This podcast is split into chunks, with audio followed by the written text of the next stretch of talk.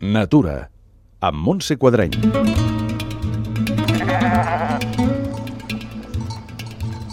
Dins el Parc Natural Cadí Moixeró, al vell mig d'extensos prats i boscos típics de l'alta muntanya, hi trobarem Castellà d'en Nuc, aquest poblet del Berguedà, conegut pel concurs internacional de gossos d'atura que s'hi celebra cada any, acull el Museu del Pastor, centre de documentació i homenatge a aquest ofici que s'està perdent.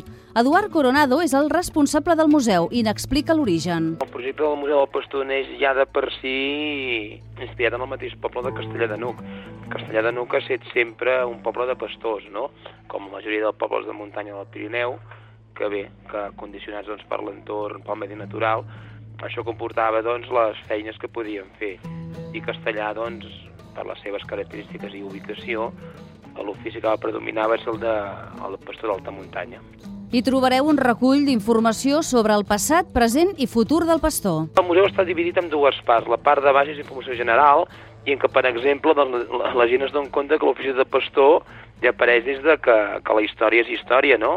Perquè hi ha un recordatori que, amb el tema doncs, del cristianisme, un dels personatges o personatges que van anar a adorar doncs, a Jesús van ser precisament pastors, no?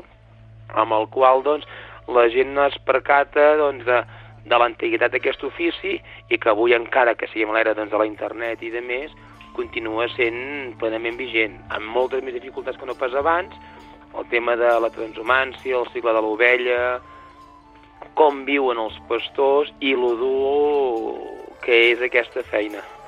A la transhumància es fa poder, no es fa com abans a peu, es fa més en vehicles rodats, però hi ha tota una cronologia del que és a, bé, aquesta activitat econòmica doncs, de, del Pirineu.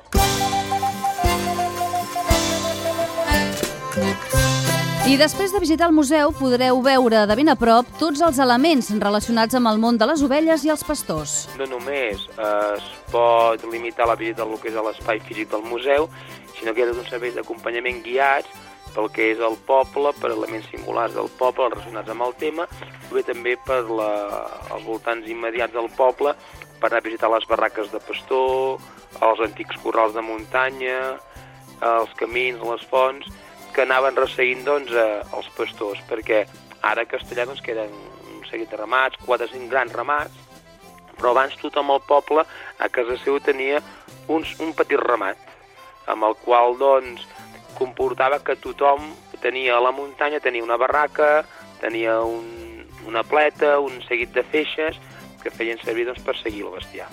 Més informació als webs castellà.diva.es o albergadà.com.